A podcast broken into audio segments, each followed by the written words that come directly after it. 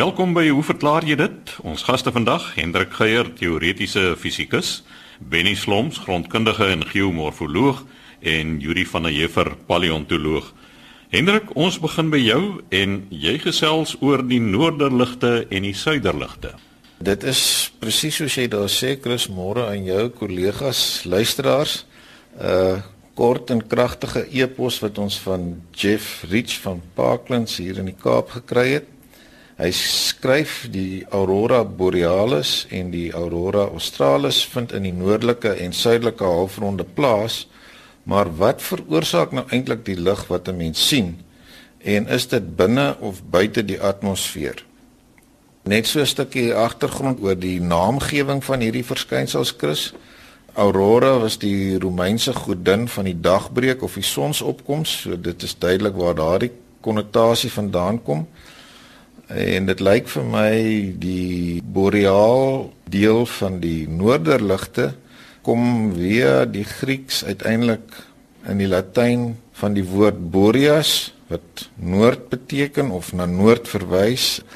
Daar was ook 'n Griekse god met hierdie naam wat die god van die noorderwind was en Australis aan die ander kant is Latyns vir suidelik en dit het veral in gebruik geraak hier in die 15de tot 18de eeu toe van die kartograwe wat nie geweet het wat in die suidelike halfrond aangaan nie almal 'n vermoede op hulle kaarte ingeteken het dat daar 'n groot landmassa is wat eenvoudig Terra Australis genoem is. Benny en Yuri kan dalk uitbrei op waarop daai vermoede gebaseer is. Die bietjie wat ek daaroor kon lees lyk vir my het nie veel verder gegaan as om te postuleer dat die aarde waarskynlik simmetries is en tot die mate dat daar inligting was oor die strukture in die noordelike halfrond soos wat jy na die pole toe gaan het dat daar iets soortgelyk verwag is. Hoe ook al dit was op daardie stadium bloot hipotese. Nou waar kom hierdie noorder en suidelike ligte vandaan? In die eerste plek moet ons onthou dat daar van die son af 'n sogenaamde sonwind uitgestraal word. Nou die sonwind is 'n kort beskrywing vir 'n plasma van protone en elektrone en 'n plasma op sy beurt is 'n versameling van gelaaide deeltjies waarvan die temperatuur so hoog is dat hierdie protone en elektrone wat onder kouer omstandighede tipies tot atome sou vorm net eenvoudig nie genoeg, kom ons noem dit nou maar kloukrag het om dit by daardie temperature te doen nie. So waarmee ons eintlik hier bestraal word is 'n aaneenlopende reën van sulke deeltjies. Nou as dit nie was en ek dink hierdie aspek is al dikwels in hierdie program bespreek, was dit nie was vir die feit dat die aarde 'n magneetveld gehad het nie, sou ons blootstelling aan hierdie sonwind waarskynlik meegebring het dat lewe nie kon ontwikkel het soos wat dit uiteindelik ontwikkel het nie. Nou soos luisteraars waarskynlik weet, het ons aarde inderdaad 'n magneetveld. Mense sou selfs kon praat van 'n beskermende magneetveld, maar mense sou maar net kon bespiegel hoekom daar 'n magneetveld is. Maar die manier waarop 'n mens dit jouself kan voorstel is om te dink aan 'n gewone dipoolmagneet of terwyl 'n staafmagneet. Daar is nie so 'n staafmagneet aan die binnekant van die aarde nie. Dit is baie meer ingewikkelde vloei van magma wat hierdie effek uiteindelik te voorskyn bring, maar vir alle praktiese doeleindes kan 'n mens berekeninge doen en dinge verstaan as jy jou voorstel dat daar so 'n hipotetiese staafmagneet in die middel van die aarde is. En verder weet ons dat hierdie magneet nie presies in lyn met die pole georiënteer is nie, maar omtrent so 10 grade skeef lê van die aarde se rotasie as. Wat dit meebring is dat die magnetiese intensiteit en as 'n mens nou dink in terme van magnetiese lyne wat jy trek om hierdie magneet se invloed voor te stel, is daardie intensiteit die hoogste by die pole. En dis nou hier waar die hele noorderlig storie inkom want by die pole is die vermoë van die magneetlyne om hierdie elektries gelaaide deeltjies, meer spesifiek die elektrone in te vang. Ons weet dat 'n uh, gelaaide deeltjie soos 'n elektron wanneer dit langs 'n magneetlyn beweeg, dan dit eintlik 'n spiraalvormige pad volg al om daardie magneetlyn so die elektrone word deur hierdie magneetlyne eintlik as dit ware ingelei na die pole toe en in daardie proses bots die elektrone veral met suurstof en stikstof beide in die atomiese vorm en ook in die molekulêre vorm. En wat 'n mens dan nou uiteindelik sien Jeff is op hoogtes van hoër as 180 km hoofsaaklik 'n rooi kleur. Dit is afkomstig daarvan as hierdie elektrone 'n suurstofatoom tref wat dit dan in 'n opgewekte toestand plaas waaruit dit sogenaamd weer verval en ons weet dat daardie fisiese proses gaan gepaard met die uitstraal van elektromagnetiese golwe in hierdie geval sigbare rooi lig by omtrent 630 nanometer. En soortgelyk is die groen wat 'n mens sien tipies op hoogtes van omtrent 120 tot 180 km.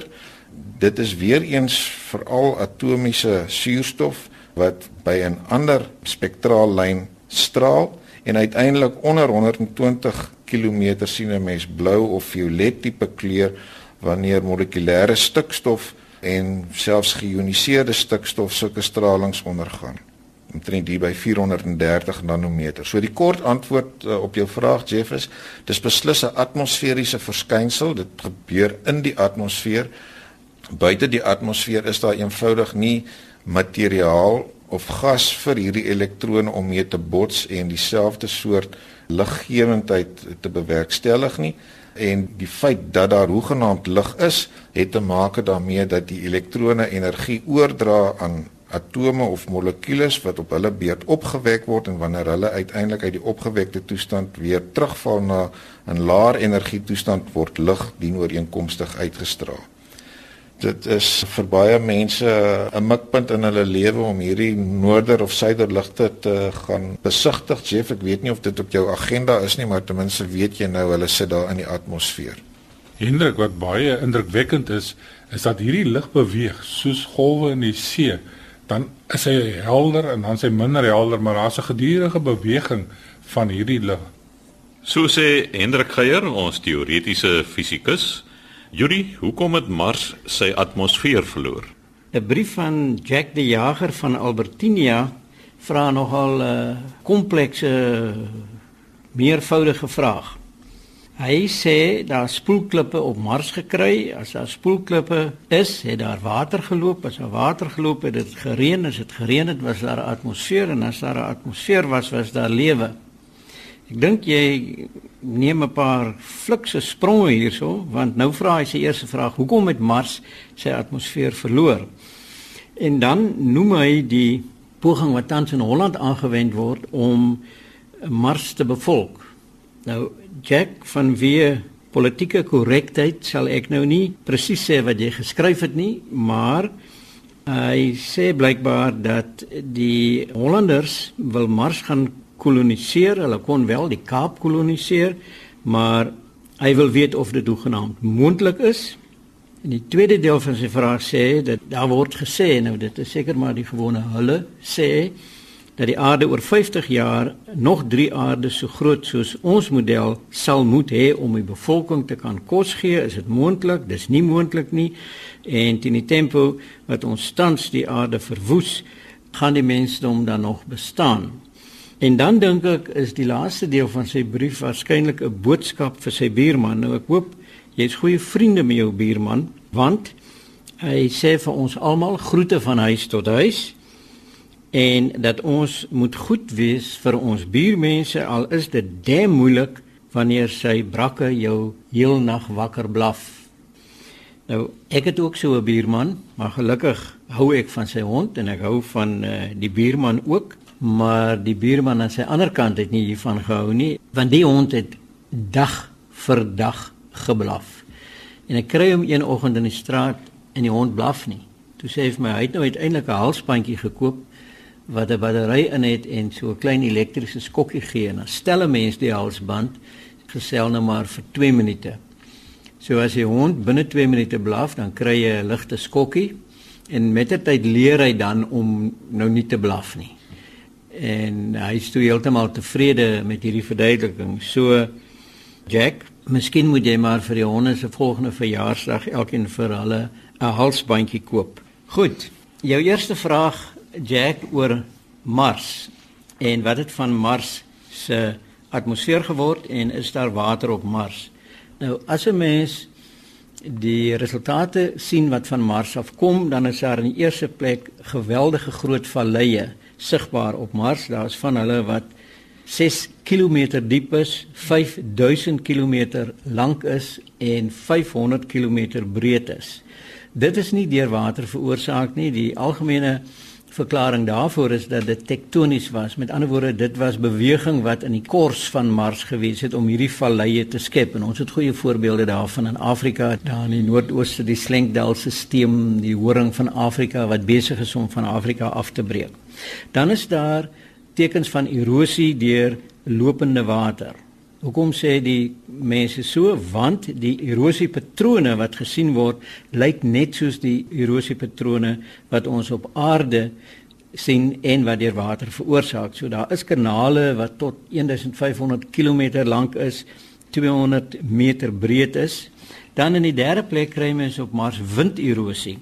Die atmosferiese druk op Mars is baie laer as op aarde. Ek het iewers gelees dat dit omtrent 1/200ste is van wat ons op aarde ervaar. Ek is nie seker of dit reg is nie, maar dit is in elk geval baie laag en mens kry seisonale winde op Mars en dit het te doen met die oppervlak van Mars wat deur die son verhit kan word en dit gee aanleiding tot stygende lug en winde geweldige stofstorms en die gevolg daarvan is dat dit ook tot 'n mate erosie veroorsaak op die oppervlakte van Mars. Tans weet Die navorsers ook dat Mars yskappe het, 'n noord en 'n suidpool en dat hierdie yskappe uh, seisoonaal vergroot en verklein. So dit gee vir mense 'n idee van 'n somer en 'n winter en dat dit waarskynlik hoofsaaklik droë ys is, met ander woorde bevrore CO2. Daar word gesê dat Mars omtrent 3 miljard jaar gelede, 3000 miljoen jaar gelede wel 'n atmosfeer gehad het maar dat die atmosfeer uiteindelik gestroop is en dat daar ook 'n uh, magneetveld soos die aarde ook op Mars aanwesig gewees het maar met die afkoeling het die magneetveld tot niet gegaan en die afwesigheid van die atmosfeer in Mars word toegeskryf aan die bestaan van sonwinde wat uh, Henk ook van gepraat het dat dit strome protone en elektrone is wat vanaf die son kom Mars omhul het en omdat dit dan 'n elektriese veld om Mars geskep het het dit die deeltjies in Mars se atmosfeer tot 'n hoër energetiese toestand gedryf sodat hulle van die atmosfeer kon ontsnap. En die gevolg is dan dat koolstofgas en suurstof nie meer in die atmosfeer teenwoordig is nie en omdat daar nou so lae atmosferiese druk op Mars is, kan water nie in die vloeistof vorm op Mars voorkom nie. Dit kan net as damp of as ys bestaan. Dus daar is water op Mars, maar dit is in die vorm van ys.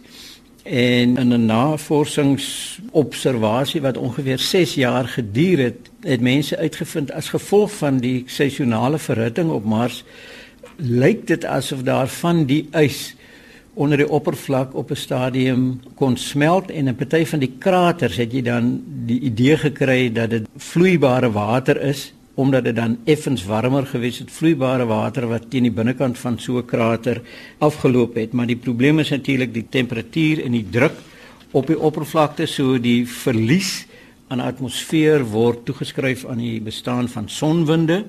Jou effens gladde afleiding hier dat as daar 'n atmosfeer was, moet daar lewe wees of gewees het is natuurlik nou nog nie heeltemal bewys nie. Daar's 'n soektog na lewe op die planeet Mars, maar dit sal eers moet wag tot verdere navorsing.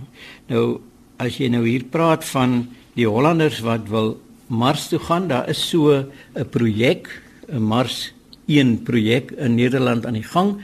En dis natuurlik nie al nie Richard Branson met sy Virgin Galactica en Elon Musk met sy SpaceX program en natuurlik is daar dan NASA.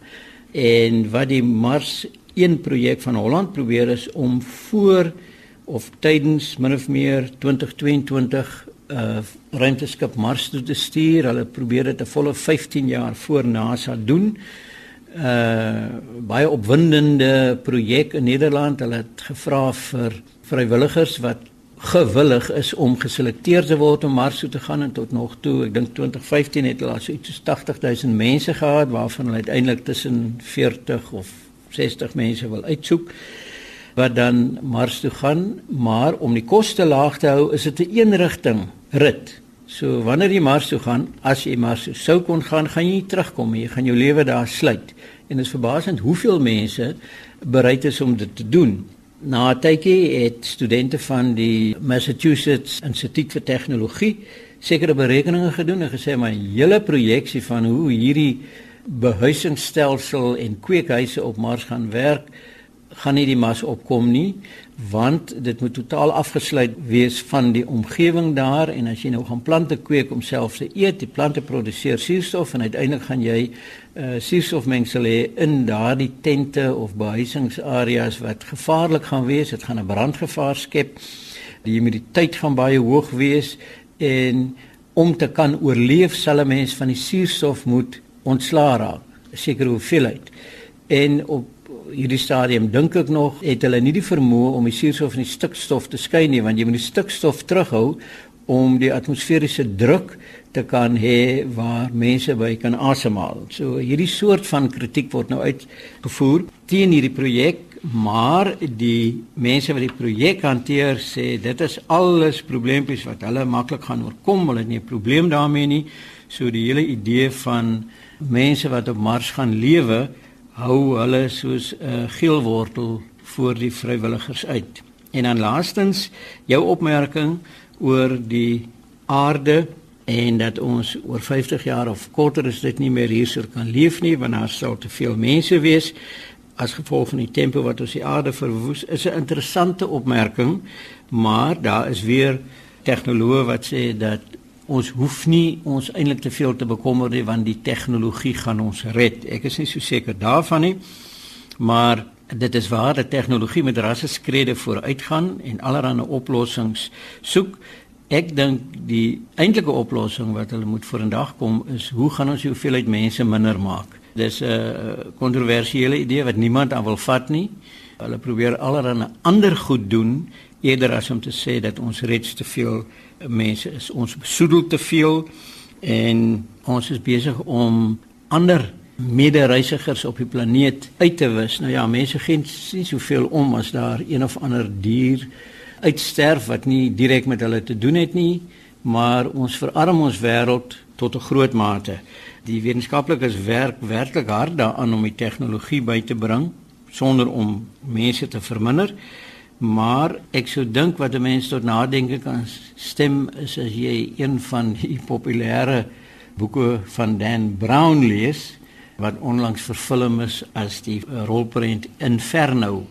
En dit werk juis met daai idee dis nou 'n baie skouspelagtige storie maar dit werk juis met daai idee van iemand wat besluit dat ons moet iets doen oor die oorbevolking op aarde. Nou as jy nog nie die fliek gesien het nie gaan ek nie vir jou die oplossing gee nie of die boek kan jy ook lees Inferno wat net so interessant is. Maar dankie dat jy dit aangeraak het. Ek dink nie ons op die oomblik vir hierdie oorbevolking al 'n goeie antwoord nie. So sê Juri van der Heever ons paleontoloog. Laaste aan die beurt is Benny Sloms grondkundige en geomorfoloog.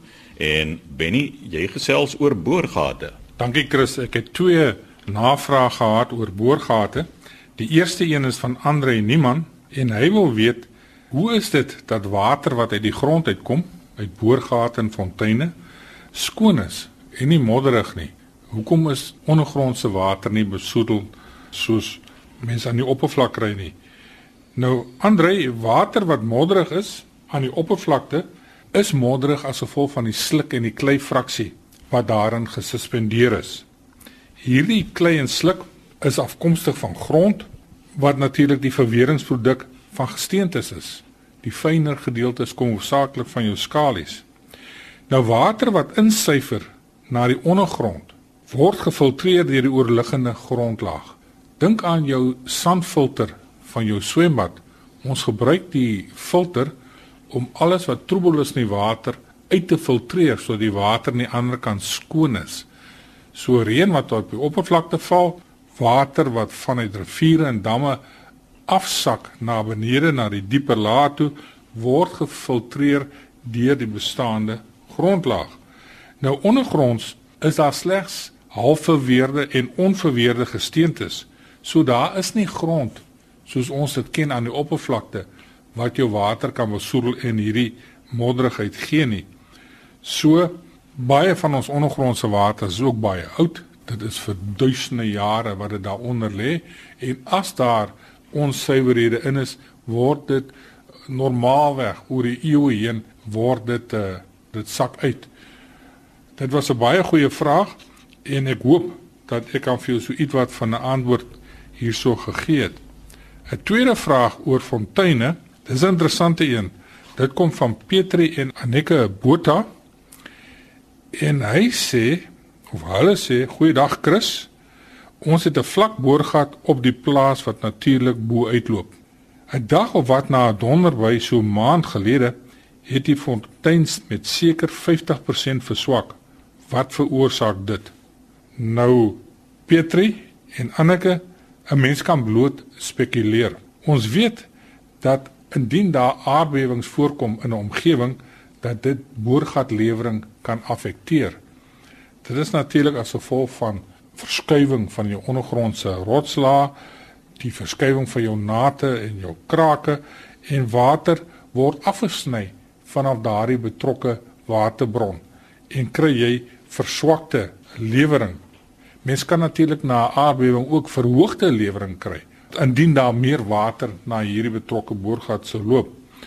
Nou jy skryf hierso dat as gevolg van 'n donderbui het hierdie boorgat met die helfte verswak. Nou jy het my hier. Al wat ek kan vra wat 'n moontlike verklaring kan gee, was die donderslag hewig en was dit baie naby aan die omgewing van die boorgat? Ek weet dat in die binneland kry 'n mens donder weer wat uh, so erg is. Die ou mense gesê die aarde trol van die donder weer. Nou indien daar genoeg energie was om ietwat van 'n verskuiwing te gee aan hierdie vlak boorgat dan kon hy heel moontlik ook afgesny gewees het van 'n gedeelte van sy waterbron. Ek weet nie jy sê dit is 'n vlak boorgat. Miskien het hierdie was daar so effens 'n aardbewing gewees met hierdie donderslag. Maar uh, Dit sal nogal baie interessant wees om te weet en miskien kan jy weer vir ons skryf, het hierdie boorgat vorentoe weer herstel na sy normale lewering toe. Maar dis die eerste keer wat ek hoor dat donder weer 'n boorgat se lewering so affekteer, so drasties soos jy hier skryf in jou e-pos. So sê Benny Sloms, ons geomorfoloog en grondkundige, skryf gerus aan, hoe verklaar jy dit? Posbus 2551 Kaapstad 8000 of stuur 'n e-pos aan chris@rsg.co.za.